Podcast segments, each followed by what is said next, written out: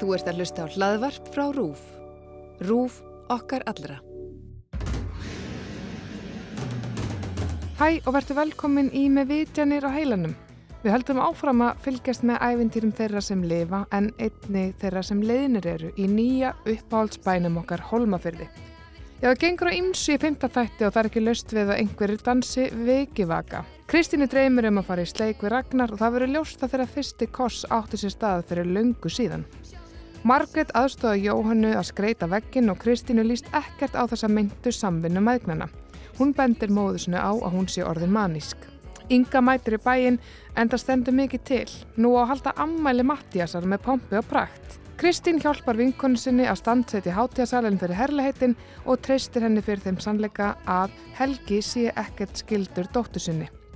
Siggi sér eftir að berja konuna sín og senina þrjá, jörundru döðvon á komuni líknandi meðferð. Dölafullu sjúkdómur gerir vartvísi í fiskvinnslunni sem veldur miklum uppkastum, ljóst verður að það er bara erlenda starfsfólki sem veikist. Bæjastjórun mætir á svæðu og lætur yngu vita að það þurfa að færa ammalið úr félagsheimilinu þar sem koma á upp sóttvarnastöð. Ynga verður ekkert tress með það, hefur yngan áhuga að halda veislana í Íþrótúsinu og það er restina fjölskyldinu svo sem ekki heldur. Ragnar og Kristín ræða málinn, það verður ljóst að Ragnar er að berjast við tilfinningar sínar í gard Kristínar og líklega öfugt. Það kemur ljós að sjúkdómurinn er ekki smitt sjúkdómur heldur bakteríusíking svo það er hægt að halda ammalið í félagsmiðstöðinni. Bæjastjórun heldur ræðu sem er tölvöld skarran svo sem Guðrýður heldur, augljóslega betur yfir örlegum sínum og glötuði fjölskyldu sinni. Kristín og Ragnar daðraðans í veislunni en yngu líst afar illa á þennan ráðahag. Þegar Ragnar reyðist yfir ræðu móðu sinnar huggar Kristínan og hann kissir hanna. Sara Dögg áskistóttir leikona hefur átt stóruleik á skjánum síðustu fimm þætti og kynnt áhöröndur fyrir henni margslungnu Kristínu Lækni. Sara Dögg kíkti til mín og sagði mér frá Kristínu, leiklistinni, andlegu leitinni sem aldrei endar og hvernig reynslaða er að setja sig í spór sísíarlittlu í holmafyrði. Heyrum í söru. Sara Dögg áskistóttir manneskja. Síðan ég byrjaði að gera þessar lagar þetta er ég búin að vera ótrúlega spenta að fá að spjalla við þig og svona hérna en hefur náttúrulega rosa mikið fengið tæki fyrir að tala við fólk um þættina. Þeir sem er að horfa, koma til mín og þau veit að ég er búin að vera núna að leggja stælu yfir þetta. Og það er eitt sem rosalega margi segja og það er bara hvað vá hvað Sara er frábærleikona og því fylgir eða alltaf spurningin af hverju sjáu var ekki miklu meira? Getur þú svarað því? Áhugavert. Uh, Takk fyrir falli orð segi ég nú bara. Uh, og gaman að heyra. Um, já það er einhvern veginn bara um, er bara svona. Já, ég er bara, ég er bara mætt aftur Mhm. svolítið, eftir svona smá hlje þar sem að lífið hérna, þurfti á mér að halda. Mm og fjölskyldan og svo bara kallar leiklistin sem aldrei fyrr -hmm. þessa dagana En, en leiklistin í þér, að því að hún, ég veit ekki hvort að hún sé þér í blóð, borin, veist, varstu svona bann sem að var að setja uh, síningar upp eða komið þetta, hvenær kemur þetta til einn svona? Sko það er nú daldi, við ekki rosa vænt um þá minningu þar sem að ég man sko, ég held ég hafi verið tveggjára og mjög svona steikt sko, en Mm -hmm. ég var tveggjára í Feneum og ég var þar með fjölskyldinu minni og þar var frænka mín sem var Jakobin mér og við vorum á Markusatorki þar voru ykkurir svona eldri ítalir að spila músík og kontrabassa og eitthvað svona og það var svona smá svið og ég man bara að mér fannst ekki koma annað til greina en ég færi að dansa Auðvitað. og fannst það bara hefði eðlilegasta mál Mm og ég man eftir þessu og ég man eftir tilfinningunni vegna þess að það sem að sko einhvern veginn festi minninguna hjá mér var að frænka mín vildi ekki koma með mér. Mm. og svona einhvern veginn, hún var ekki til í þetta. Og ég, hugsa, ég skildi ekki af hverju. Mm ég bara, það var bara einhvern veginn þetta var svo eðlilegt. Auðvitað áttum við að fara að fagna þessu og, og bara vera þarna og vera til og skína og njóta okkar. -hmm. um, þannig að þetta er bara eina af mínum fyrstu minningum. Þannig að ég verð að segja að það er svona það er eitthvað svona, eitthvað svona við sviðið sem að kalla í mann En er þetta í þér ennþá? Myndur þú í dag hérna taka nokkur spór í þessum aðstæðum? já, Er það? já, Já. við verðum að fagna lífinu svo var alltaf þessi draumur um að verða ballerína Mm. hann var rosa sterkur en ég var náttúrulega út í sveit gæti ekki verið að æfa oft í viku í Reykjavík ballett og það voru alveg nokkur tár sem að fjalla á kottan yfir Mhm. því sko það var eiginlega bara mjög mikil sorg að geta ekki láta Já. þann rætast ja. og svo man ég bara, það var svona einstaka skólaleikrit og ég man að mér bara leið alltaf rosalega vel Hvar hefst þetta ferðarlag, þú og Vitjanir?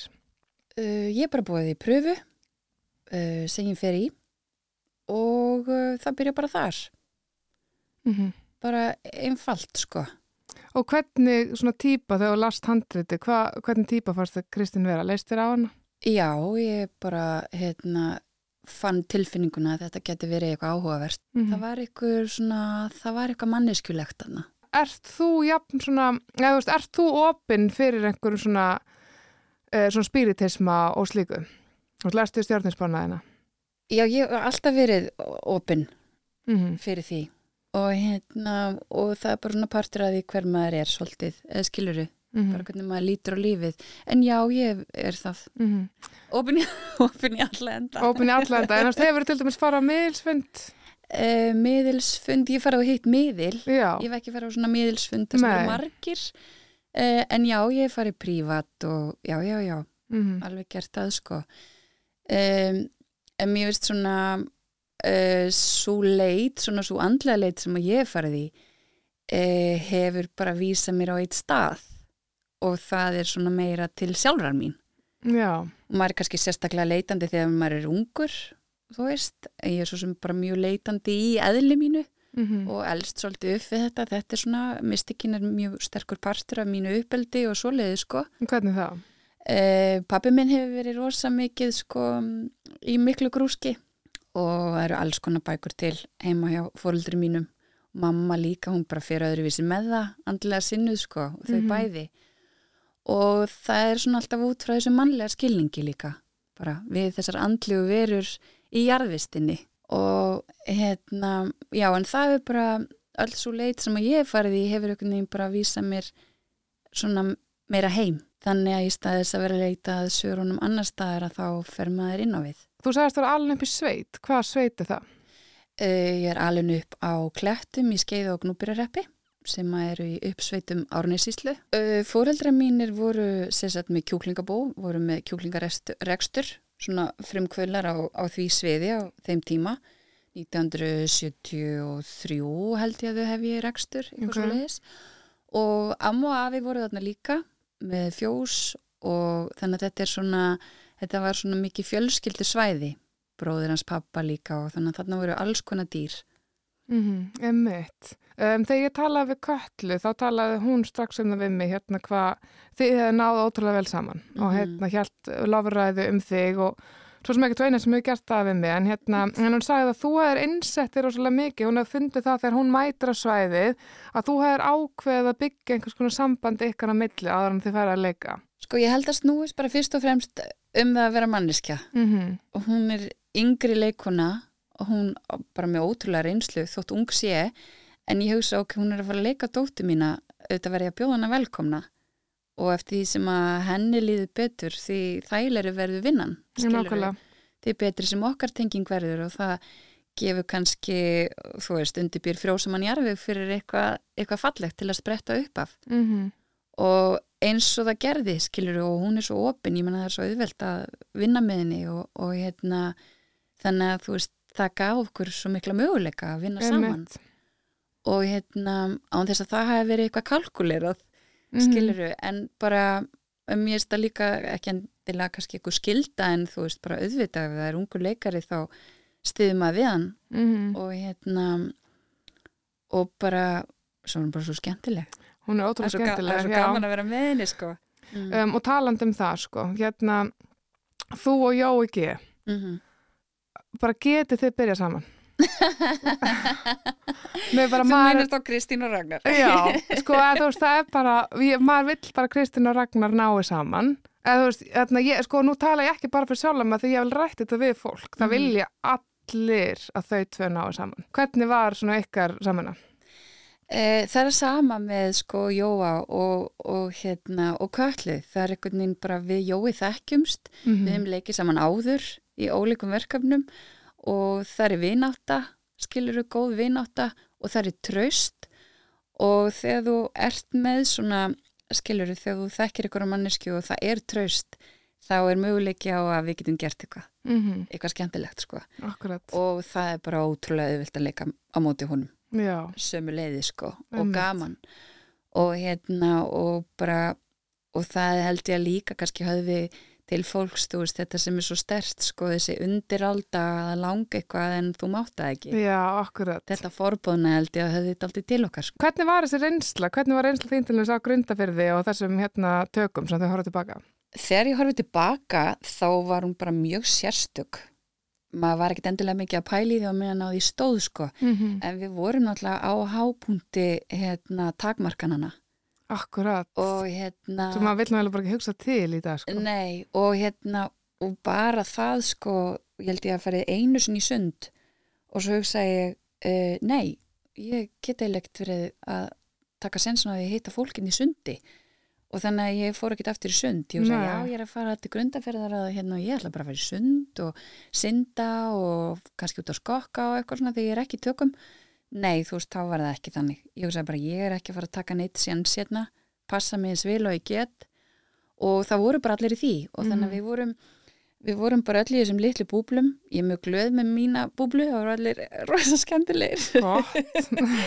og hérna, en það sem að maður saknaði var samt þetta, þessi andi sem að skapast oft í kvikmyndagerð að við erum svona lítil fjölskylda öll að leggjast á eitt að gera þetta verkefni og ég saknaði þess að get ekki eitthvað nefnir að hanga með hérna, krúinu og skiluru, Mhm. þá tilfinningu mér varst það leiðilegt að við værum svona aðskilin Já, voru þið leikarnir þá svolítið sér eða? Já, þá voru við í sér hérna, þá voru við í svona sér búblu sko Emmitt. Þannig að við vorum alltaf svona pínu aðskilinn þó við hittist á setti, þú veist, þá var hann að fjallað og grímur og eitthvað svona. Mm En svo bara á endanum er þetta náttúrulega bara algjörlega magnað að það hafi náðust að klára þetta. Það er ótrúlegt. Og á, já, ég held bara tilsettum tíma, sko. Mm Ég er svo ánæg með þær sem höfunda, uh, Kolbrúnu, Völu og Efu, -hmm. að hérna, þær eru náttúrulega nýjir höfundar inn á, þess, inn á þessu sviði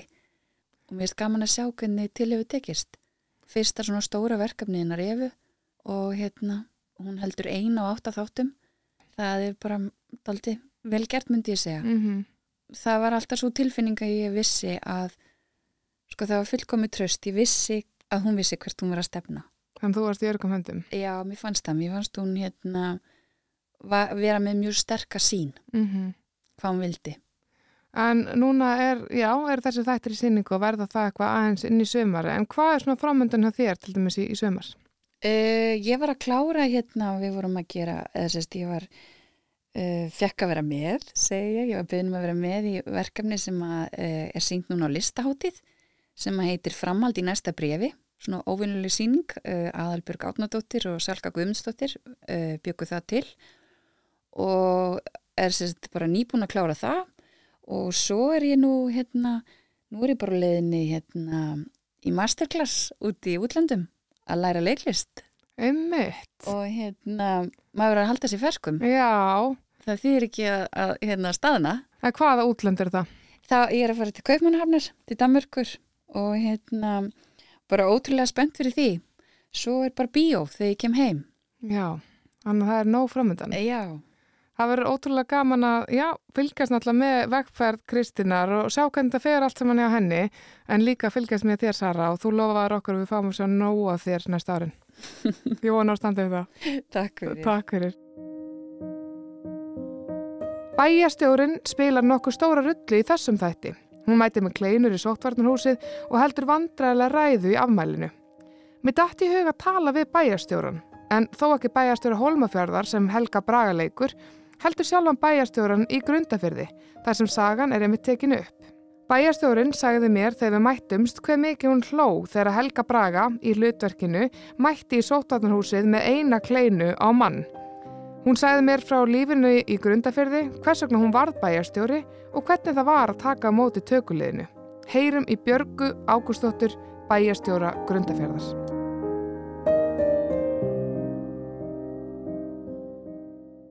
Ástæðan fyrir ég fæði hinga er náttúrulega út af því að við erum að fjalla í fyrsta lagi um þennan stað sem heitir Hólmafjörður í þáttunum, mm. í vitjónum og um, þetta er svona smábær sem við kynnumst droslega vel og það er að vera bræðið upp mynda svona ákveðin svona smábær stemmingu. Mm -hmm. Það er búið um 800 manns, það vita allir allt um alla og mér langaði bara svona til þess að vita betur hvernig það er og svona hversu raunsanri myndir bröðu þarna upp og þá okkur nefn lág algjörlega ljóst fyrir að ég myndi tala um þig að því að þú ert náttúrulega bæjarstjóri í grundafyrði þar sem að þættirnir er teknir upp. Jú, það passar. En hérna, hva, en hvað ertu alin upp?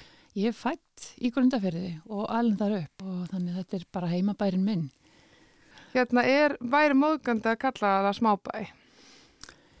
Það verður eftir eitthvað hver. Nei, það verður eftir hvað samhengi það er, en, en nei, mér finnst það ekki. Mm -hmm. Mér finnst það vera, þú veist, við tökum við bara sem, hérna, þeim kostinni við það mm -hmm. eru klárlega uh, þeir að, að, að, hérna, já, þú veist, það eru fjölmarki kostir mm -hmm. við það að vera smábær og við það að búa í smábær og mér finnst ekki það, þú veist, það þarf enga kenda við því. Nei. Og ég meina, þú veist, þá eru allir Íslendingar með kenda, kannski eru það, ég veit ekki. Ég held að það sé aðgast einhverju leiti. Mm.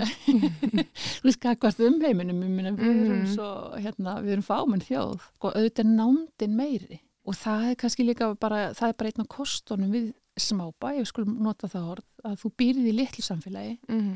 og nándin er meiri og ef maður horfur á kostina við það, þá er þeir það að það er, það er mjög gætna þannig að, að fólk er fljótara til þess að koma og hjálpa og það stendur saman, samfélagi stendur saman og þannig er það aftur og aftur sem að, að fólku upplifir það ef eitthvað gerist hérna, í okkar samfélagi mm -hmm. þá, þá er fólk komið til þess að rétta hjálparhund Akkurat.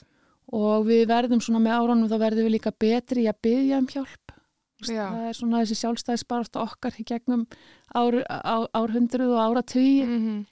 letið til þess að við, við, við, vorum óskaplega og, og erum eh, óskaplega ódögulega við að byggjum hjálp ég elst upp á þessum stað elst upp í, í þorpi, í sjáarþorpi og þá eh, svona það sem að mér finnst oft vera kostur sem ég dreg inn í svona mín hérna fullorðinsári er það bara hvað maður var virkilega heppin að aðlast upp í samfélagi þess að þú vissir einhvern veginn bara þú, þú, þú kynnti svo ólíkum karakterum. Það var talsust um fólk sem var svona álitið kannski svona pínlítið öðruvís en flesti mm. og, og það var bara mikil gæfa að fá að kynna soliðis fólki. Akkurat. Besta fólk og, og hérna en ef þú elst upp í, í, í hverfi í, í hérna stóri borg þá er ekki endilega víst að þú fára að kynast allir þessari flóru. Nei. En þegar að bæjabúur eru að koma saman, hvað er það sem fólk tekur upp á að gera saman? Ef við fáum stundu spurninguna sko, hvað gerir þið eiginlega? Já. Eins og það sé bara fábreytni og við séum mm -hmm. þannig að húka yfir engu og svona og, og ég veit svona veit ekki alveg hvernig maður hérna, tækla þessa spurningu, stundum verður maður svona pyrraður við því bara hvað gerir þið heila hérna mm.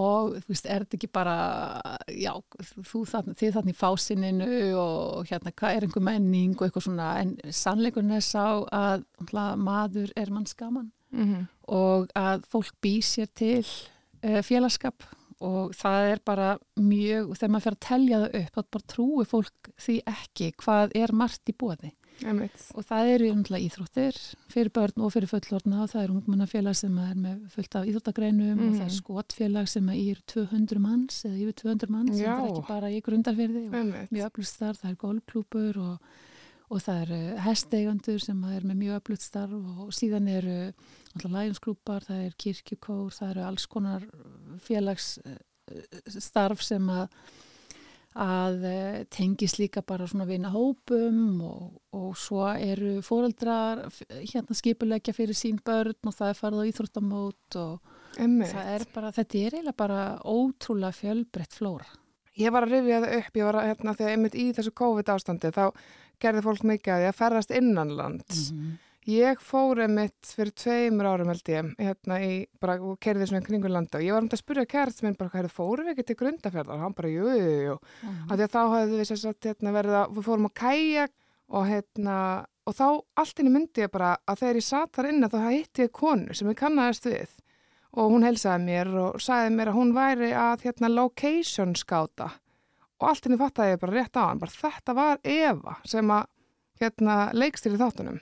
Þannig að ég hitti hana þegar hún var komin þarna og greinilega byrjaði að skoða grundafjörður sem stað til að taka upp. Mm -hmm. Sem að þau mm -hmm. svo gerðu í mhm. reyndar COVID, einhvers konar. Hausti 2020. Já, hvernig, hvernig, hvernig var að taka mótið þessum hóp? Það var bara ótrúlega skemmtilegt og það var gefandi. Og ég held að, að grunnfyringar hafi bara tekið vel á móti sem hópi og allavega held ég að það hafi bara lukkast vel mm -hmm. þetta er náttúrulega vandarsamt fyrir þennan hópa að hérna vera inn í svona lítið samfélag og það var COVID og það er að passa upp á sína varnir og, mm -hmm. og svo líka hvert bæjabúum og svona en þetta var bara virkilega gefandi og, og, og svona bara já þetta var bara svona líf, upplýfgandi líka bara að sjá hvernig þetta er unnið og svona margt, margt bara skemmtilegt en, en bara virkilega jákvægt og gefandi En hver, þegar þú horfur á þættina, hvað finnst þér að vera líkt og ólíkt með grundaferði og, og, og holma? Það er bara fjölmart, maður kannast því mjög umvart, ótrúlega fyrir okkur, hérna, ég horfði þetta með mjög, miklu, mjög, mjög sérstökum gleru og mann hlur að horfa á, svo margt maður að horfa á landslægið og þú veist, það er greinlega látið njóta sín en það er búin alveg einstaklega Náttúrufegurðin er þarna og þetta fjall, kirkjufelli sem er náttúrulega varð rokkstjarn á einni nóttu hérna Heimsfrækt og orðið tákn Íslands bara svo um munar á skaminn tíma sem að, að við erum vöndið að var bara alltaf fyrir framnaugunum á, á okkur og var bara þar og við erum svona hluta því og það hluta á okkur. Þannig að, að maður svona horfur á það og maður horfur á líka svona karakterana og svo verður maður náttúrulega að muna að þetta er saga og þetta er ekki veruleiki en, en, en listir og, og, og bókmyndir og kvikmyndur annað er náttúrulega að spegla samfélag á hverjum tíma mm -hmm. og gerir það oft bara bísna vel og, og stundum daldið sko dregur fram svona skýra mynd, kannski skýrari og lætur okkur rekka við og það er mjög gaman að velta því fyrir sér með allar þessar personur og svona, þú, þú þekkir, þetta eru alveg viðfóksefni og, og alveg vandamál og, og, og alveg tengsl og annars líkt og margt sér kannski fært í stílinn til, til dæmis handanheimurinn hann er svona svolítið sterkur, hann er furðu sterkur þarna í þessu samfélagi sem er kannski ólíkt því sem að, að við þekkjum hjá okkur en, en það er mjög margt þarna bara í svona smá bæði lífunu sem að, sem að maður kannast við og svo er maður náttúrulega, þú veist hérna maður að horfa á byggingarnar og svona og hvernig þau byggur til leikmyndina mm -hmm. og svo mhm. hérna er farið inn í hús sem eru húsin okkar, þarna grundafyrði eða stofnanir, skólin og heilsugjæslan og svo er sínt inn í og þá er það einhvers allt annar staður Já, sem að við myndum aldrei fatta við Nei, nei, akkurat sko, til dæmis hérna stelpunar og skrifstofan, samstagskonum mínar það er voru rosamóðgæri við því að hérna, eins og heilsugjæslistöðin og hún er fallet húsa utan hjá okkur og svo kemur inn í þetta græna og ljóta, það svona svolítið lummulegt og svona að þeim fannst alveg, ah, þetta er ekki á okkur. Nei, það er bara svo fint að helsa gæsni mm. En þetta, já, já, það er margt í þessu og margt skemmtilegt, sko sem, þegar við vorum að undibúa þetta og maður var að velta og sjá fyrir sér og, og þú veist, ég, ég var mjög upptökin að því til dæmis að í miðbænum að það sem átt að vera mikið að tökum og voru mikið tekið að að þá var ég svona svolítið í því þarna fyrir þessa tökur að ég var að segja við búðina sko því verðið að láta mála hérna veggin hjá okkur þetta Vá, gengur ekki svona mæti bæjastöru bara. Já, mm. og svo með heilsugjæslistöðuna ég verði eða játa að ég var búin að nuða því í heilbríðstofnunum að þið þurftu að mála veggin hérna fyrir utan. Það er að koma kvikmyndatöku og taka upp áttafætti þið látið þetta ekki vera svona fyrsta sem kvikmyndatöku fólki gerði. Þessi veggir þeir eru allt og skær kvítir megum mála þá græna Já, ok. Ljóskana, þannig að ég svona fekk alveg bara svona moment svona svitnað ennum eins og ég sem er nýbúna hérna, frekjast yfir því að ekkert væri málaðir, kvítur svo bara fyrsta verka málaða. En svona, þú veist, maður pínu viðkvæmi fyrir því að, þú veist, maður vil láta sjá einhverja svona mynd við, af, af bænum sínum að því að við erum að bjóða gestum heiminn að þarna grunda fyrir í stofu hjá landsmönnum og, og reynda að vera þessi þætti síndir á, á, í fleiri löndum. Mm -hmm. En hérna, sko, bæjastjóri, um, ég fór að hugsa svona hvernig, hvernig maður já, finnur sig allt einu í slíkri stöðu er það eitthvað svona er eitthvað sem að þú hefði séð fyrir horfðu þú að kardimámi bæin og, og langaði að vera eins og Bastian?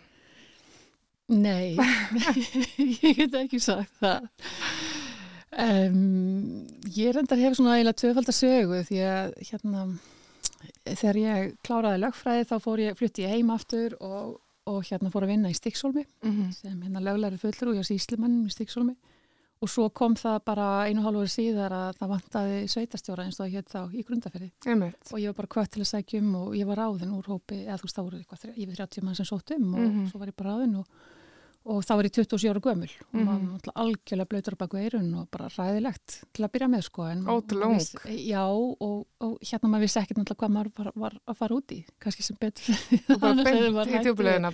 En hérna maður ákverði ekki beint en svo þegar hérna og annarkort á þetta viðmann eða ekki. Akkurat. Ég var í þessu 11 ár og svo byrjaði ég aftur 12 árum síðar, hérna ég hætti 2006, byrjaði aftur 2018 og þetta er svolítið þannig að ef þú hefur hérna gamna fólki og svona samfélagslegri uppbyggingu uh, að þá er þetta alveg, þá færði bakteríuna fyrir þessu. Já, þannig að þú varst alveg, þú varst alveg smitið. Ég var það, ég mm -hmm. þetta ótrúlega heillandi. Þetta er náttúrulega líka minn heimabær þannig að eins og allt sem skiptir máli að þá verður að gera það með hjertanum. Já, ég verða að spyrja um að þið vorust að tala um stekisólm og hérna, sko, að því að sýsti mín fóri, var eins og daldi þar um, um hríð og þá segði hann að laurugl, hún að hitta eitthvað lauruglumenn og þau hefði sagt sko að það væri ekkert að gera fyrir þau í stekisólm en þess að hérna, allir glæpamennin væri að vera grunda fyrir þau. og svo komst hún að þetta væri hluta af einhverjum svona rík, einhverjum svona, svona rík á millibæjana. Er það satt að það sé, já, er þessi ríkur?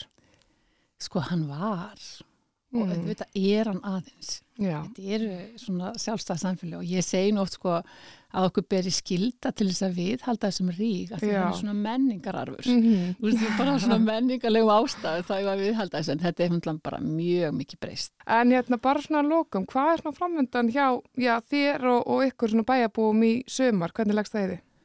Það leggst bara ótrúlega vel í mig, þetta verður alveg frábært sömar Já. það verður gott veður og það er gaman mm -hmm. og við meðum koma saman og hafa grillveislur og svona og þannig að ég held að það verður bara mjög fínt.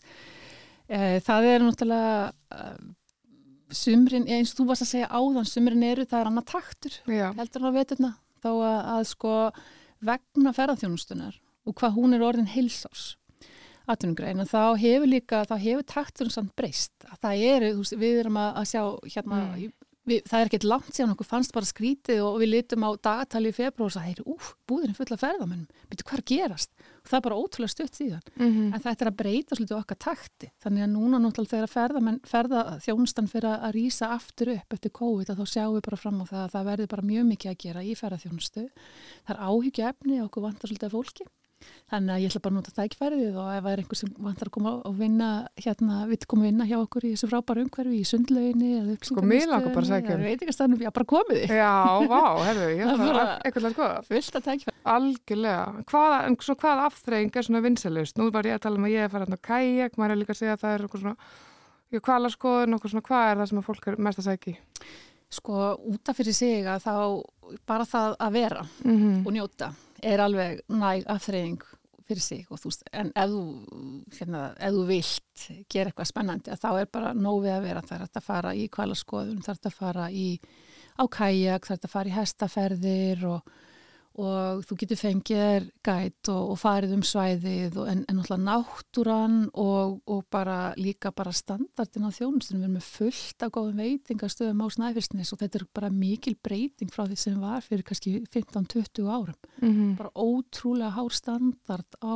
á hérna e, veitingastöðum.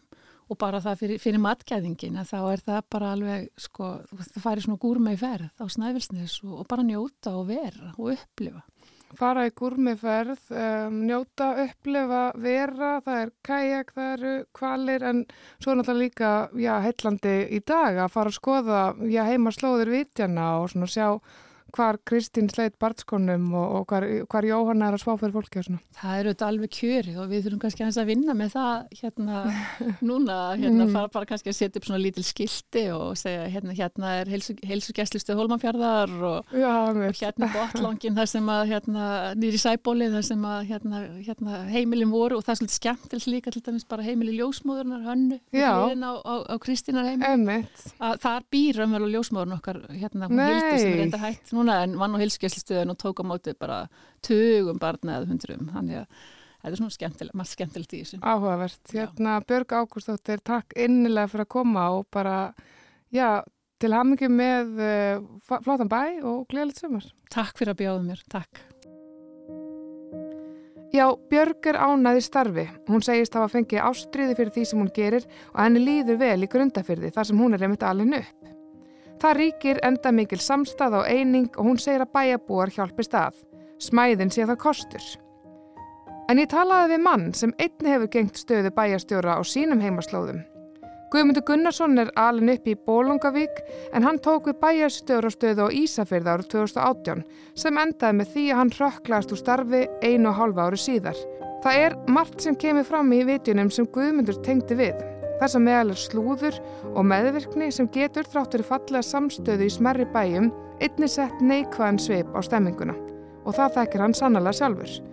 Það breytir því ekki að Guðmundur lítur fyrst og fremst á sig sem vestfyrðing Fyrðirnir eru hans heimili og það er þar sem hjarta hans lær. Heyrum í Guðmundi. Guðmundur Gunnarsson, vestfyrringur. Það er, það er svona mitt hérna, já, ég, ef, ég, ef ég er hérna spurður að því hvað ertu, já. þá er ég vestfyrringur. Fyrst og fremst og svo getur við að finna, já, allt sem kemur fyrir neðan, mm. akkurat. Hérna, og hvað ertu alveg upp? Í Bólungavík. Mm -hmm.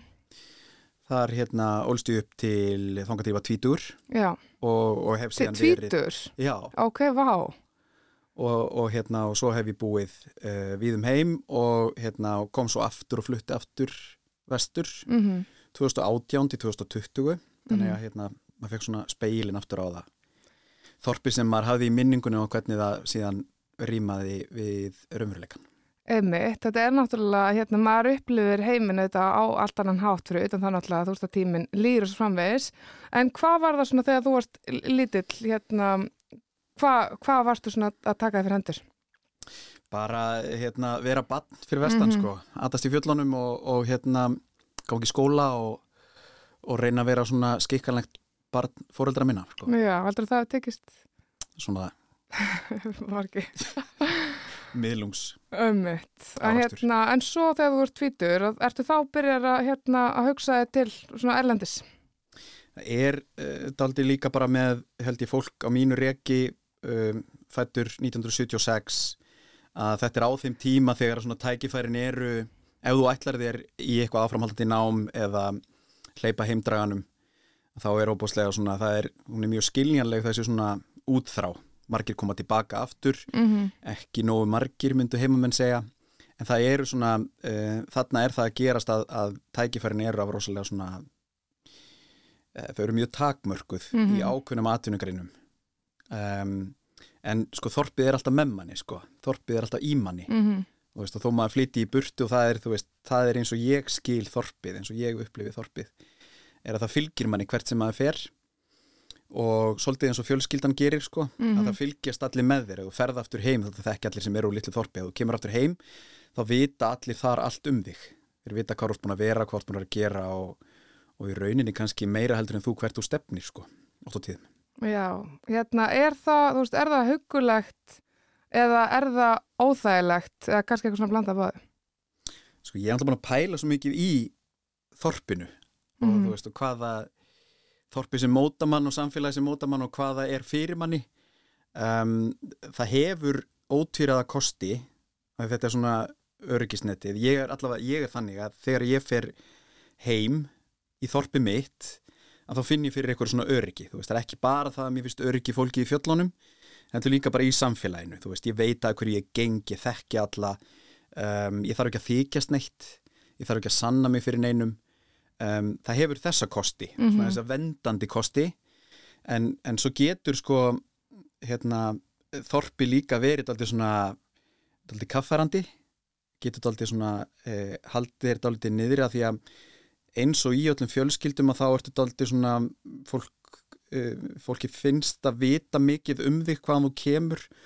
Og það skiptir óbærslega því smærra sem samfélagið er og þetta er bara mín skoðun, ekki byggt á neinum rannsóknum því smærra sem samfélagið er því stærri rullu spilar það hverra manna þú ert hvaðan þú kemur, hverju mm. eru forfeyður þínir Þú getur ekkert losnað eitthvað neginn undan Þú ert hólfaður svolítið Já, akkurat, akkurat þú, Það eru svona ákveðin hólf og það skiptir óbáslega miklu máli hvað úr hverju spretturu mm -hmm. inn í samfélaginu Einmitt. Hérna, var það eitthvað sko að því að núna hérna þú flytur um, og þú verður að læra þú ert að læra, uh, reyna að læra enda fjölmjölafræði og akkur er það ekki mm -hmm. uh, flyttur út, kemur heim, þú ert að vinna eitthvað hér, hérna, mm -hmm. á Rúf mm -hmm. um, og svo tekur við ennbætti síðar hérna og verður bæjarstöru á Ísafjörði. Já, spáðið því maður. Já, það, já þetta er ringurinn svona, já, lokaðist. Nei, hérna, og það er, þú talar um það, skiluru, að um, þú hefur upplifað breytingu og svona, einmitt þessi æsku ljómi sem fylgdi minningu þínu frá því að búa fyrir vestan og það hafi eitthvað verið aðeins öðru hver var þessi kontrast? Sko, maður náttúrulega sveipar alltaf heima hana sín einhverju svona ævintýraljóma við gerum þetta líka við Ísland ef við búum erlendis Já. þetta fer í eitthvað svona ævintýrabúning þetta verður svona romantiserum uh, með þess að veðufarið við romantiserum það Já.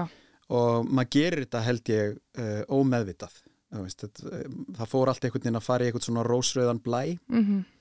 en svo þegar maður flytur aftur eftir ákveðin tíma og er kannski komin með þessa fjarlægð að þá fer líka að rifjast upp fyrir manni það sem maður vissi en var kannski búin að bæla niðri Einmitt. sem er svona þessir, þú veist um, ókostir við nándina samfélagslegu mm -hmm. uh, hérna bæjarslúðrið Hvernig, hvernig lýsir það sér?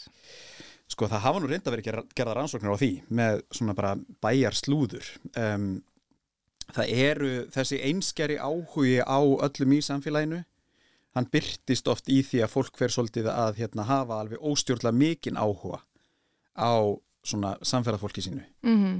um, að ykkur leiti kemur það alltaf frá góðum stað bara forvitin um fólk, úrst, forvitin um fólki þitt eins og úrt forvitin um fólki í fjölskylduninni en það getur líka tekið á sig svona dekkri myndir að, að fólk fer að hafa svona óþægilega mikinn áhuga á uh, nákvæmum sínum. Mm -hmm og þetta er bara e- eitt af svona held ég svona eh, enkenum nandarinnar Já. Eh, er alltaf mín tilfinning og mér fannst svona komandi tilbaka þá er þetta svona pínu svona eh, kaffarengar hérna mm -hmm. tilfinning. Um, og kannski líka því að maður kemur tilbaka og tekur við eitthvað svona, þú veist, eitthvað embætti á að vera málsvari heil samfélag sko. Og, hérna, og þá tekur þetta á sig, þú veist, enn svona yktari myndir um mm hvað mhm. fólk hafi sjúklega mikinn áhuga eða hvað, hvað fólk tala mikið. Og svo fór maður líka bara svona að fara að rivjast upp fyrir manni. Um, og líka hérna eitt element sem er rosalega ríkt í þorpunum er svona hérna alveg rosalega órögstutur repparígur á milli þorpa. Já, hver er svona, hver eru svona óvinna bæðinir þarna verið vestan? Ég kem náttúrulega frá Bólingavík. Akkurat. Og það er alltaf þessi rígur á myndli Ísafjörður og Bólungavíkur Akkurat Ég ólst upp í þessu mengi Þegar ég var allast upp það fannst mér þetta fullkomlega eðlilegt Já, bara sjálfsög eru Já, Ísfjörðingar, eh, svona og hins eginn Já, mm -hmm. við erum að keppa við á íþróttum og eitthvað svona og, og hérna auðvitað er, er þetta okkar þetta er okkar borg sko, við erum að keppa við þá mm -hmm. í öllu Svo færum maður fjarlæðin á þetta og flytur í burt og kemur aftur þá eiginlega svona og maður þarf að, þú veist eiginlega tala varlega sko. Ég held þetta væri miklu minna í dag heldur en þetta var þá. En komst eiginlega raunum að þetta er enþá alveg óbúslega ríkt. Það er svona tekið aðeins svona í léttari dúr. Já. Þú veist það er ekki beinilínu slegist fyrir utan skemmtistæðina Nei. og skipt þá í lið eftir þorpum. En það er rosalega svona, þetta, þetta, þetta er rosalega djúbstætt. Mm -hmm. Og, og hérna sem að mér finnst á sama tíma óbúslega sorglegt. Um, vegna þess að, að hérna, það er hægt að gera svo miklu miklu meira ef að fólk átta sig á því að það, það gerist ekkert nema því að gera það saman. Nei, einmitt. Við þurfum við nákvæmlega jafn mikið sko, Ísafjörðu þarf jafn mikið á bólungauk að halda og öfugt. Mm -hmm. en samt er það einhvern veginn alltaf að reyta fjæðirinnar hver af öðrum, bítast um það hvar þessi vestmiði á að vera eða hvar þessi störf skapast í staðin fyrir að bara ef ekki bara stefnaði að skapa ja, mörg störf í sömu grein á báðum stöðum Einmitt. og nýta styrkleika hvers annars þannig að það kom mér óslulega óvart hvað þetta er ennþá ríkt En þegar þú varst á Ísafjörði, fannst þér fyldið að þér þá að þú værir ekki beint þaðan, heldur þú veist, þú værir frá Bólungavík og svona, eða þú veist, myndið að fólk sem skoðan að vera, já. Alveg, og, og líka þetta hverra manna ertu. Já, einmitt. Og jáfnveil sko, sem er líka held ég svona, sem að spekla svona eftir á að fólk að vil gerir þér upp lífskoðanir Já, já, út frá því bara, já, bara eitthvað hérna fjóra ætlir aftur í tíman sæðið einhver eitthvað, já. Ég treysti þér að því að ég þekkti afaðinn og ég veit fyrir hvað hann stóð eða ég trú ekki orðaði sem hún segir vegna þess að ég veit hvað mamma einn stendur fyrir í einhver ákveðnu málefni eða eitthvað slíkt sko. Ég hef ekki séð eða upplifað þetta í þessu mæli annar starf. Ég held að það sé líka eitt af þessum enginum á svona litlu samfélagi, þú hefur verið að holfa sko.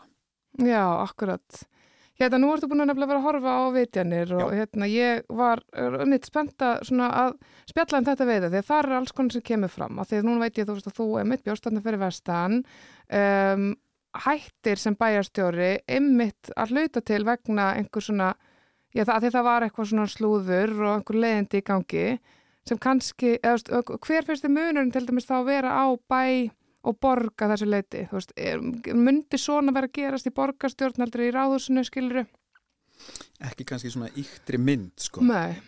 En, sko, mér langar líka að segja með, veist, með þættina sem mm -hmm. ég er mhm. rosalega hérna, ánaði með og ég, ég tengir rosalega við og mér finnst það rosalega fallegt er að mér finnst hérna, þættirnir ná svona að fanga svolítið svona þorpsálina Þú veist, um, og það kemur rosalega í gegnum í rauninni þarna að, að aðal personan Kristín er, sko, hún er innanbóðmanniski en hún er samt að koma eitthvað neginn nýinn, mm -hmm. kemur utanfrá mm -hmm. og ég tengi ofbúslega mikið við hennar upplifin á að flytja aftur í svona þorp mm -hmm. mér finnst ég bara nánast vera að bara endur upplifa sko, að flytja aftur heim sko. Það er ótrúlega fyndið í, í gegnum hana en ég, svona, það sem vorum að tala um áðan með sko um, nei, ég held að það taki allt félagslegt á sig yktari myndir í smæra samfélagi mm -hmm. þannig að því stærra sem samfélagið er því að því að sko um, þegar það verður að holfa niður um, sko því smæra sem samfélagið er því stærri verður einstaklingurinn mm -hmm. þannig að einstaklingar getur ráði rosalega miklu í litlu samfélagi að meðan kannski í starra samfélagi þá verður einstaklingurinn minni og þá þarf það að vera hópur eða eitthvað bakland eða, eða eitthvað slíkt mm -hmm. en í þúsund manna samfélagi þá getur einn einstaklingur haft alveg rosalega mikil áhrif. Og, og hérna bæði til góðs og íls Akkurat. Þannig að ég held að, ég, ég tengi alveg við það sko. En ég minna reynslaðin af því að fara þarna tilbaka á þessum tíma var ekki góð. Jú, sko, uh, hún var góð slæm sko. Já. Uh, Ég er náttúrulega, þú veist, ég elska vestfyrði og mér líður hverki betur mm -hmm. heldur en heima, þú veist, það er bara eitthvað við fjöllin og andrúsloftið og og fólki á stemminguna. En það sem að svona, hérna, gerðanandóldi betra eftir á að higgja er að, hérna, að þessi svona dökkufletir, þessir ókostir við nándina að, hérna, að það, það hérna, að óleikit afsegna eitt rosalega fallega hluti. Um, svona hérna og þetta er náttúrulega bara, þú veist, þetta heitir ekkit annað heldur en meðvirkni sko. Já, meðvirknin bara. Bara eins og í fjölskyldum. Mm -hmm. um, auglaust kemur þetta frá góðum stað, fólk er að standa vörð um eitthvað, standa vörð um hvort sem það er einhverjir einstaklingar eða eh, einhverjir sem eru valdamiklir, er að standa vörð um heildina um fjölskylduna en átt að þessi ekki á sama tíma er það kannski ekki endilega um, að standu vörðum eitthvað sem þeim vilja sjá þróast áfram sko. Nei. Eða er kannski ekki rosalega eh, fallið framkoma eða eða hérna, eins og við viljum koma fram hvert við annað.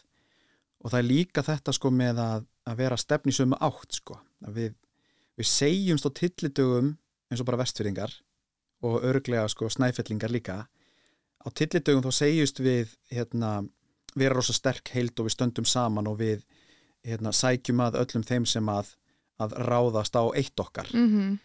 en, en sko á sama tíma erum við líka rosalega dugleg við að stugga hvert við öðru. Akkurat. Það er kannski samveldin væri þegar það er einhver frá Bólungavík að ráðast á okkur en svo, þú veist, ein, innan eins og bara með fjölskyldra, innan fjölskylduna getur fólk líka einhvern veginn verið svona, já, bæði best og verst eitthvað þannig. Já. Mm -hmm, akkurat. Og eins og með alla fjölskyldur, þá er það þannig með þorpin að það, það er alltaf einhver, hérna, það er alltaf eitthvað sem þólir ekki dagsljósið. Mhm. Mm þekkja það allir úr öllum fjölskyldum. Þetta er ekki eins og einn samfældur rósröður Instagram póstur sko. Nei, nei, mitt er mitt. En þú veist, þegar vorst að tala um hérna, við tölum til þess aðeins áðan um að þú veist eins og þegar að þessa meðvirkni og svona þú veist þess að þegar að ofbeldi á sér staði samfélagi, þá verður það svona í kannski minna samfélagi, þá verður þetta rosalega flóki að því að allir einhvern veginn tengjast og viðkomandi aðili er með rosalega stórt einhvern veginn bakland í sínu nánasta og þá verður ásist að þöggun og svo leiðis. Já, mér, mér fannst hérna, ég man ekki hvort það var núni í síðasta þætti eða, eða þar áður uh, þegar að Kristín er raun að ræða við uh, hönnu uh, heimilisofbeldið og er raun að gera það sem að gerist allt og sjaldan í svona samfélögum er raun að opna á þetta, er að rétta fram hjálparhönd er rauninni að stinga á kýlinu já, að þá svara hann og sagði þú veist þú veist hérna hvaða fjölskylda þetta er þú, þú veist að ég ætti enga möguleika. Mm þetta finnst mér kallaði fram mjög sterkar minningar. Um, ég man bara ég man eftir allt of mörgum dæmum úr mínum uppvexti og esku um heimilisofbeldi um, kynfyrirsofbeldi og ég er ekkert að segja þetta til að lasta bæin eða samfélagið. Nei, en þar sem að í rauninni hérna, samfélagi rugglaðist sko og tók bara kollranga afstöðu. Mm að því það taldi sig vera að venda samfélagið, venda fjölskylduna en á sama tíma var það að taka afstöðu gegn þólanda og ég man líka eftir mörgum dæmum það sem að, að það endaði síðan bara alltaf bara mikill harmur. Þólandin er sá sem hröklast í burtu. Þólandin er sá sem er ekki trúað. Mm maður er séð mörg dæmið þetta. Að því að valda ójafæðið er svo mikið. Mm og sérstaklega þegar að börni í hlut og líka bara, þú veist, við verðum líka bara að segja það að sögulega eru þessi svona sjávarþorpir rosalega svona karlæg -hmm. þetta eru svona maskjulin samfélög. Og það eru þessi svona, þú veist, það er svona verið svolítið á nefanum, sko. Mm og hérna, og, og valda ójafma, sko bæði milli þeirra sem yngri eru og eldri eru en líka milli kynjana, Já, alveg sláandi þegar maður horfið tilbaka, sko. Einmitt. Er það ekkert að breytast, þú veist? Um, jú, það er að breytast. Um, við erum bara í óbúslega mörg, er, við, er bara svona landfræðilega, er, er þorpin held ég svolítið á eftir. Mm Veist, þetta er að koma, þetta er að gerast, við erum að taka réttu skrefin. En, en það sem að mér finnst svona horfandi á þetta tilbaka, svo skrítið að hugsa um þetta eh, valda ójafvægi milli kynja, er að í sjávarþorpi er það þannig að það eru, það eru svona þessi hefðbunda myndir að kallmennir bera björgi bú, fórna lífi sínu, er út á sjó, en sko samfélagi sem er heima á meðan, þér, þér haldið saman og það, þið er beinlanins bara haldið gangandi af konum, -hmm. af Einmitt. og það er mér þess að þannig til dæmis í mínu þorpi að börn voru mun oftar kend við mæður sínar Já, heldur en það. feður Mm. af því hann var alltaf út á sjó Já, einmitt. En það var bara siggi ennar hófiðar þú veist, það var bara, hérna, þeir voru kendi við mæður sína þannig að fólk geti mitt átt að sjá því Já, hverra manna eða er mjög mikilvægt. Mm og í hvað hólvætt að setja þá -hmm. um, og, og mér finnst þetta rosalega svona hugsandi tilbaka, finnst mér þetta rosalega svona einkennandi fyrir og þá verður líka þetta ójafægi svo furðulegt, Mm einhvern veginn eða, eða mér finnst það allavega Við sáum þetta svolítið svona í hérna verbúðinni. Já. Að þá um eitt fengum við svolítið að kynnast svona þessum ánga og náttúrulega frá þessum tíma. En það er mitt hérna leik Nína náttúrulega þessa konu sem að um, veist, en að reynist svo vera manneskjan sem er að baka við tjöldina að stýra allir svolítið svona Íslandíkarsagna blæðir eitthvað nefið því. mm. Það sem að þær voru alltaf eitthvað nefn svona og ég held að það hafi verið svona meðvitaðar en að hampa því að sko, konuna voru þarna sko, mm þær voru þarna bak við tjöldin -hmm, þær voru hérna, að láta hlutina gerast Mhm. halda samfélaginu gangandi einmitt. og við höfum ekkert eitthvað að, hérna, að reyna að, að því við erum búin að gera nógu mikið af því að skrifa söguna rámt Já, já, akkurat. þannig að þetta er svona, svona Aðeins að rétta við. leiðréttingaferli Já, já, einmitt, einmitt. Hérna, sko, uh, þú lístir sjálfum þér á Twitter sem landsbyðalúða. Já. Uh, er það eitthvað bara sem að þú bara stendur algjörlega með uh, landsbyðalúði er eitthvað sem að, já, þú getur sagt um sjálfa, en þú veist bara, um, þegar nú byrði í borg og þú hérna byrði í Reykjavík og hefur kallar Reykjavík borg Sko ég ger það en ég átta mig á því að það er rangnefni og maður bara byrjar að skilja þegar maður er komin eitthvað annað. Þú veist ég bjóði New York og þá alltaf skildi ég hvað borg er og ég hef aldrei búið í borg áður sko, alls ekki. En ég meina hérna að því að sko ég óttast það sem manneska sem er alveg upp í bara hlýðunum veist, bara, og veist, ég veit ekki hvað, ég reyndar sko á ættir að reyka til hérna Ísafjörðar og því er mjög mikið hampa í minni föðufjölskyldur, rosa mikið gert grína því ég held að margir reykvíkingar vilji líka rosa mikið geta staðsett sig einhvers staðar annar staðar, að nákvæmur svona fallið að vera eitthvað svona með svona smá svona sveita stelpuhjarta. Og hérna, og því að pappi sko á já, á, þú veist, foreldrar hans eru bæði alveg nippur í vestan en þú veist, hann er það ekki. En ég segi samt alltaf, já, ég er nú ísfyrðingur sko, og ég myndi kæra þeim alltaf að gera grína bara hvað er komað oft, þú veist, þrísvar en ég er algjörlega ísfyrðingur en, en ég, en ég er líka að vestan.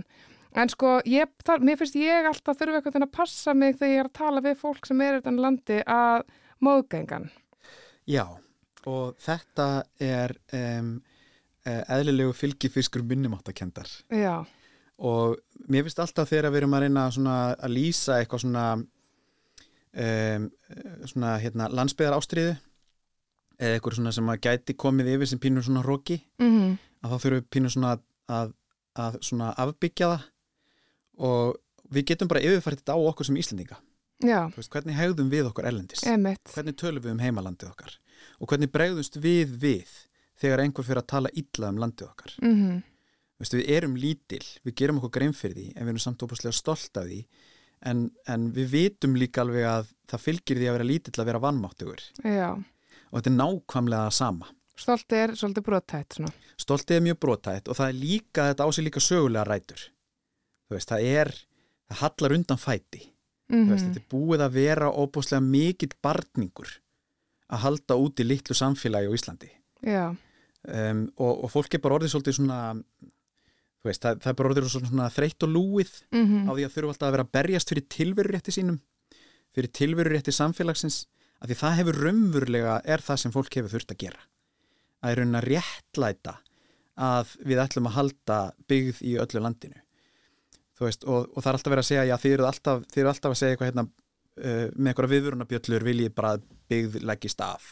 Svo gerist það aldrei, en, en hugsaum þetta aðeins betur, fullt fullt af þorpum á Íslandi sem hafa lagst af Já. bara í, sko, í hérna, bara nálagt okkur mm -hmm. veist, það voru þorp við aðalvík, það voru tvö þorp við aðalvík þaðan sem ég á ættir að reykja Emmeit. og þar sem var bara haldinn fundur í þorpinu og tekinn ákverðun um að nú ætlum við bara öll að flytja og hver segir að þetta get ekki líka gerst í litlu hundramanna þorpi vestur á fjörðum í, sko, á okkar líftíma. Akkurat. Þannig að veist, þessi ógn er raunveruleg mm -hmm. og vanmátturinn sem stendur anspænist í að þetta getur raunverulega gerst um, hann er þarna. Já.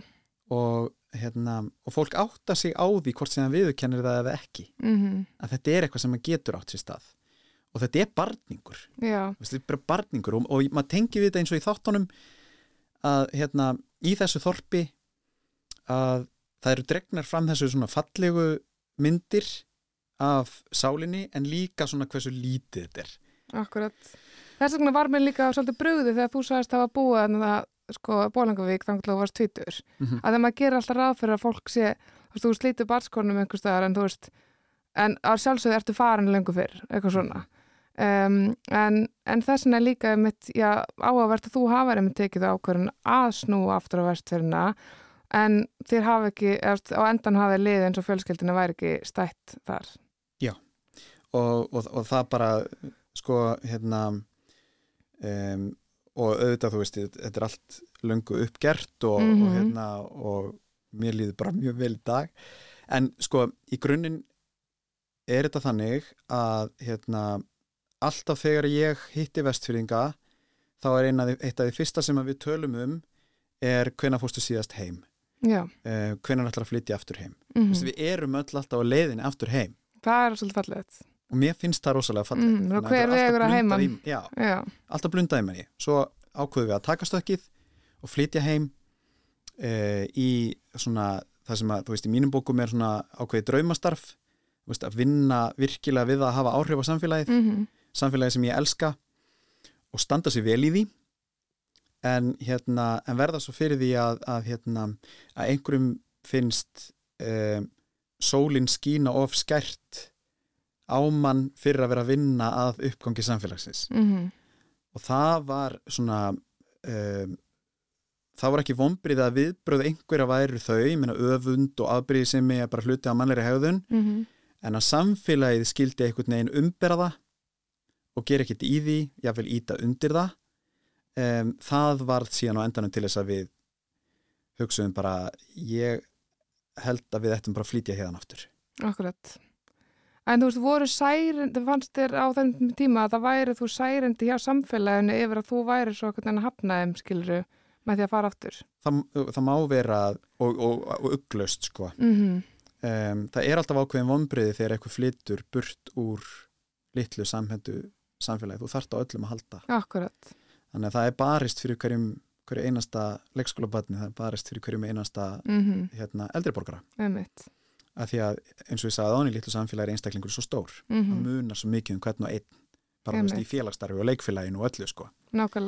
Um, Þannig að, að eflust voru það eitthvað vonbriði en þú veist, ég hef alltaf verið mjög opinskáru með að reyna að útskýra hvað, hvað lág að baki mm -hmm. og, og, og þegar maður einhvern veginn bara svona raðar spilunum fyrir fram að sig þá þarf maður bara að vera reynskilin við sig og taka ákvörðum með fjölskyldunni líður mér vel, vel í þetta. Það er bara mjög megla spurning. Er þetta umhverfið sem ég sé fyrir mér að vera hluti af? Mm -hmm.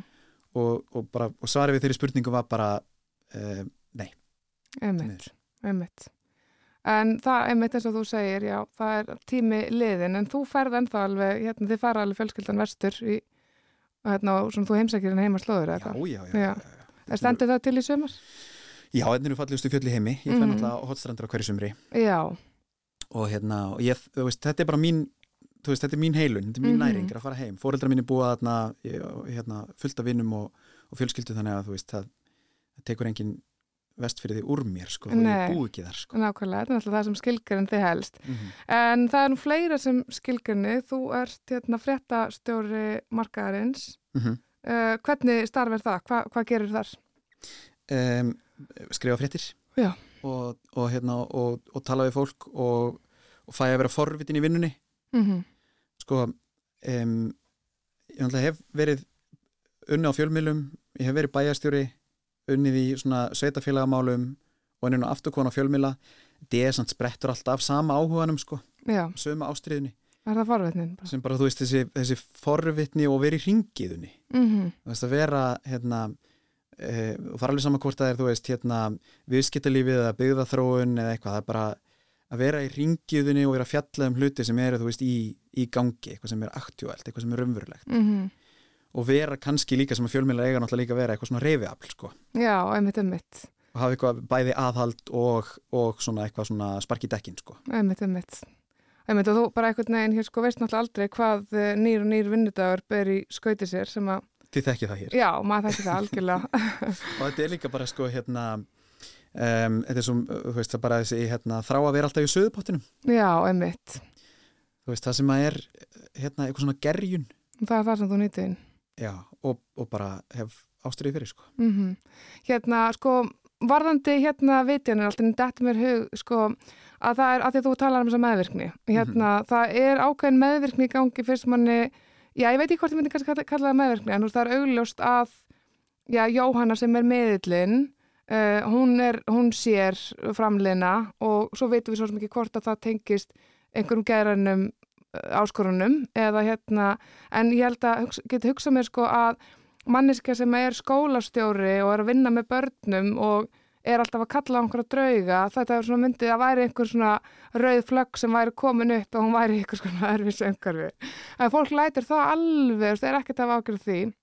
Og svo líka til dæmis varðandi hönnu og hérna ofbeldi sem hún verður fyrir að það er með engin nema Kristi náttúrulega en fólk talar ekki við hönnu en þau eru alltaf að tala um það sína milli að hún sé með einhver glóðuraugu og okkur svona. En þú færði ekki beint til hennar. Um, sem að mér finnst einhvern veginn rýma svolítið við það sem þú talaði maðan um Aftur þetta sko, að vitið allir? Að sjáit allir? Já. En það er engin að rugga bátnum, það er engin að poti kýlið. Nei, það er líka hérna móttökurítarinn á helsugjastastöðinni sem er í raunin að gera sko, þverbrjóta allar starfseglur og helbriðstofnum sem mm -hmm. var ekkert að hugsa sér. Mm -hmm. er að selja ykkur á svona hérna um, kuklurur yfir borðið. Mm -hmm. en þó vita allir, það eru meiri sem mjög margir bara að skipta við hana og það vita allir að þetta er ránt mhm. en það gerir engin eitt í því en, en það sem að mér finnst líka svo fallegt í þáttunum sem að ég var ekki búin að átta mig á fyrir er þessi svona tengsl hérna e, spiritisma og þorpa mm -hmm. er, er þau til staðar? Er það eitthvað sem þú þekkir? Algjörlega. Ég bara, ég tengi mjög stert við þetta mm -hmm. og ég held þetta að sé um, er þetta ekki alltaf, erum við ekki alltaf að reyna að svara einhvern leikilspurningum eða hafa stjórn á einhverjum óvissu þáttum og þú byrði þorpi um, það, það er bara þannig að, sko, að þorp og hjara veraldar þú hefur minni stjórn á ákveðin þáttum heldur en í einhverju, inn í einhverju stórborg mm -hmm. og það eru bara, þú veist, öll þessi náttúruöfl þú, veist, þú, ert, þú ert bara háður veðufari, hvort þú kemst út í dag eða ekki mm -hmm. þú ert háður veðufari með það hvort að pappiðin kemur heim í kvöld af sjónum Einmitt. eða ekki þannig að það er svo mikið af svona þáttum sem þú stjórnar ekki þannig að það, alveg, veist, það væri bara mjög óeðlilegt ef það væri ekki spiritismi í, í litlu þorpi myndi ég halda að þú ert að reyna að leita eitthvað að svara þú ert að reyna að fá svör við eitthvað sem þú hefur ekki stjórn á.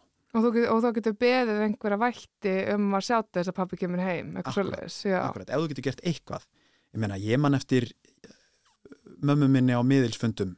Aha. já, já, andaglas í skíðaferðum. Mm -hmm. bara, þetta er bara stór hluti af svona bara hérna, þorpskúltúr sko. mm -hmm. Er þetta ennþá okkur hlutaður? Myndur þú hérna leita ykkur svara hjá miðli? Ég held að það sé minna í dag heldur en það var þá mm. um, bara þú veist, með upplýsingaöldinni veist, við getum leitað okkur leitað svörum á fleiri stöðum mm -hmm. heldur en bara hérna að, að slá í eitthvað gong sko þú getur, getur, getur reynilega bara til dæmis googlað fullt af hlutum sem var Mhm. kannski ekki þá sko. Nei, nei, mitt þannig að þú veist, upplýsingavöldin hefur fært okkur í eitthvað svona átt en ég, ég, það kæmur ekkert á óvart ef þetta væri samt svona ríkara. Mm -hmm. og líka hérna sko um, að fólk sé bara hreinlega heitrúað Já, þú veist, í þessum ef við getum kallað hefbundin trúabrögð sko heitrúaðasta fólk sem ég þekki er fólk í þorpinu mínu sko. Mm um, og og það bara, þú veist, og það er bara að vera byggja bænir og, og hérna vitna í bara rytningunni eitthvað já, Mm -hmm, veist, og hérna eina minning mín af einhverju svona sann kristnu uppbeldi það er allt tengt vestur sko. Mm og það sem að kirkjan er bara stór hluti af lífi fólks. Akkurat. og er virkilega þáttakandi í samfélaginu. En svo upplifir það bara enga veginn á sama hátt hér hvorki gagast sjálfum sér nýja börnunum hans. Mm -hmm. Emmitt. Hérna, það er emmitt, sko, mér finnst þetta að vera svona ákveðin, ég tala um þetta áður en sko að þú veist að fólk, þegar maður kemur eitthvað erlendis að þá spyr, spyrir á svo margir þegar þitt þú eru náttúrulega alfa. Og, Já. já, og hérna, og stundu fyrst mér eins og sé þú veist vonbreiði hjá spyrjandanum þegar maður segir bara, það er eiginlega ekki eins mikið á heldur. Af því að þetta er eitthvað sem fólk langar til þess að Íslandingar trúa á. En svo hefur alls konar komið í ljós hérna, um, til dæmis það, þú veist að það er samt ótrúlega ríkt í okkur að við myndum aldrei vilja færa eitthvað alvarstein. Við erum samt Nei. ennþá að sveigja veginn framhjá skilur bara til að vera alveg viss. og það þarf ekki eins og að ræða það Nei, það er bara, það er bara fullkomlega viðukent Mhm. meiri sig af starfsmunum vegagerðarinnar að við erum að fara að krækja fram hjá þessu steini já, trúum við á að það sé álfur þarna inni eða huldu fólk ekkert endilega en við ætlum ekki að taka sér hansin nei, akkurat. og er það, ekki, er það ekki raunverulega einhvers konar trú? ég, það hlýja bara að lítur að vera. Hérna, ég bara eiginlega verða eiginlega að fara að kveða þig. Mér langar bara að vita að lokum, hérna, hvernig, svona, hvernig lítur sömar út hjá þér? fara vestur, fara á strandir Mm um, og svo bara eitthvað að atast í fréttum og, Já, og það hættir ekkert aðast. nei, nei, nei, nei og hérna og þú veist, ég bara hérna ég held ég að við lært það af þessu ævintýri fyrir vestan, þannig að maður taki alltaf eitthvað svona fallegt út úr öllu. Já, að hérna ég hef gert aldrei mikið af því að uh, stökka á ný tækifæri og taka pínu sjansa. Og ég ætla bara að halda því áfram sko. mm það sem ég er að gera núna er líka svona eitthvað að taka ákveðin sjans, fara aftur í eitthvað frétta hark -hmm. en þú veist, maður á bara að, hérna, að svara eigin spurningum. Þú veist, er þetta eitthvað sem að næri mig? Er þetta eitthvað sem ég hef gaman af? Mm er þetta eitthvað tengt því sem ég hef ástriðið fyrir? -hmm. og um leiðum að glatar ástriðin því sem er að taka sér fyrir hendur þá maður bara að gera eitthvað annað. Bara stökk við næstu lög, Já. án kúta. helst, allra helst. Herðu, takk innilega Guðmundur Gunnarsson fyrir að koma og spjallaði mig.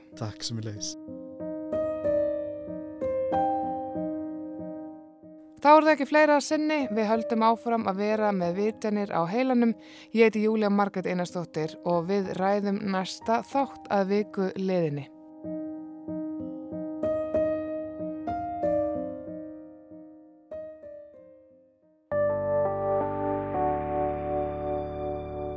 Rúf okkar allra.